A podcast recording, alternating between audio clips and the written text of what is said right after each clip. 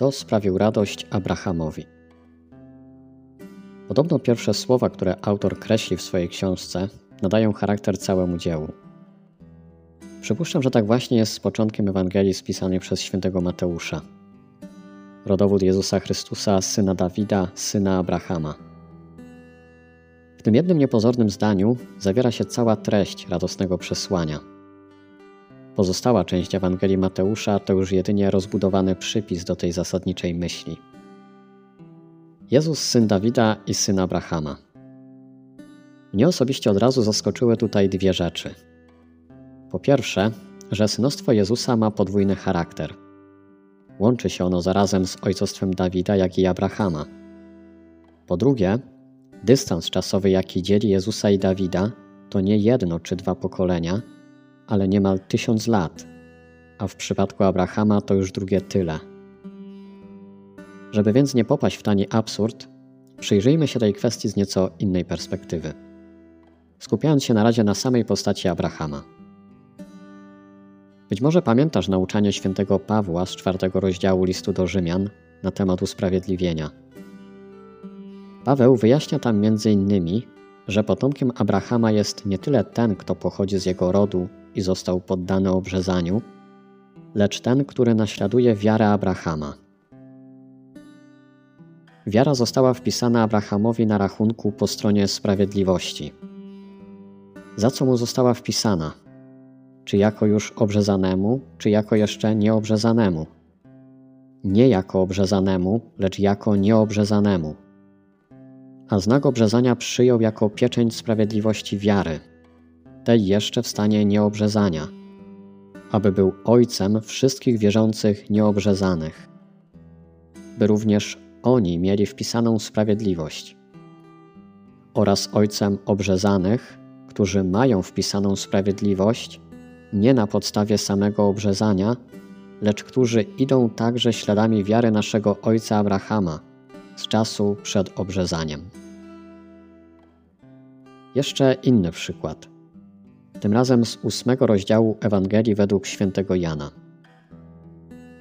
Tu z kolei sam Jezus wyjaśnia Żydom, czyli potomkom Abrahama, że ten, kto żyje w grzechu, nie może o sobie powiedzieć: Jestem dziedzicem Abrahamowej obietnicy. W ten sposób naśladuje on czyny diabła, a w związku z tym staje się jego synem. Wiem, że jesteście potomstwem Abrahama, jednak chcecie mnie zabić, bo moje słowo w was nie wzrasta. Co zobaczyłem u ojca, głoszę, a wy czynicie, co usłyszeliście od waszego ojca. Na to mu powiedzieli: Abraham jest naszym ojcem. A Jezus im rzekł: Gdybyście byli dziećmi Abrahama, czyny Abrahama byście spełniali. A tymczasem chcecie mnie zabić jako człowieka, bo powiedziałem wam prawdę, którą usłyszałem od Ojca. Tego Abraham nie czynił. Wy spełniacie czyny waszego Ojca. Wy macie diabła za Ojca i wolicie spełniać pragnienia tego waszego Ojca. Myślę, że ten szeroki kontekst biblijny dosyć wyraźnie pokazuje, iż synostwo, o którym mówi Mateusz, wcale nie musi być odczytywane dosłownie jako synostwo z ciała.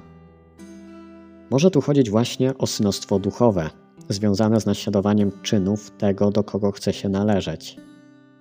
W wymiarze wertykalnym Jezus jest oczywiście synem Ojca, bo zawsze czyni to, co jemu jest miłe. Jednak w wymiarze horyzontalnym jest on również synem Abrahama. Nie trudno zauważyć, że nowy syn obietnicy idzie tą samą drogą zaufania, którą szedł dwa tysiące lat wcześniej ojciec narodów. Tak jak Abraham zawierzył słowo od Pana, tak Jezus, słowo posłane na świat, całe oddaje się swojemu Ojcu. I tak jak dzięki Izaakowi, który wyszedł z obumarłego łona Sary, imię jego ojca miało pozostać żywe na pokolenia, tak za sprawą Jezusa, narodzonego z dziewiczego łona Maryi, imię Abrahama będzie zachowane od wiecznego zapomnienia. Wszystko to streszcza się w krótkim słowie Jezus. Jahwe zbawia. Dokładnie takiego wybawienia oczekiwał Abraham. Doskonale zdawał sobie sprawę, że to nie Izaak będzie właściwym synem obietnicy, ale jedyny syn ojca. Przekonują nas o tym słowa samego Jezusa.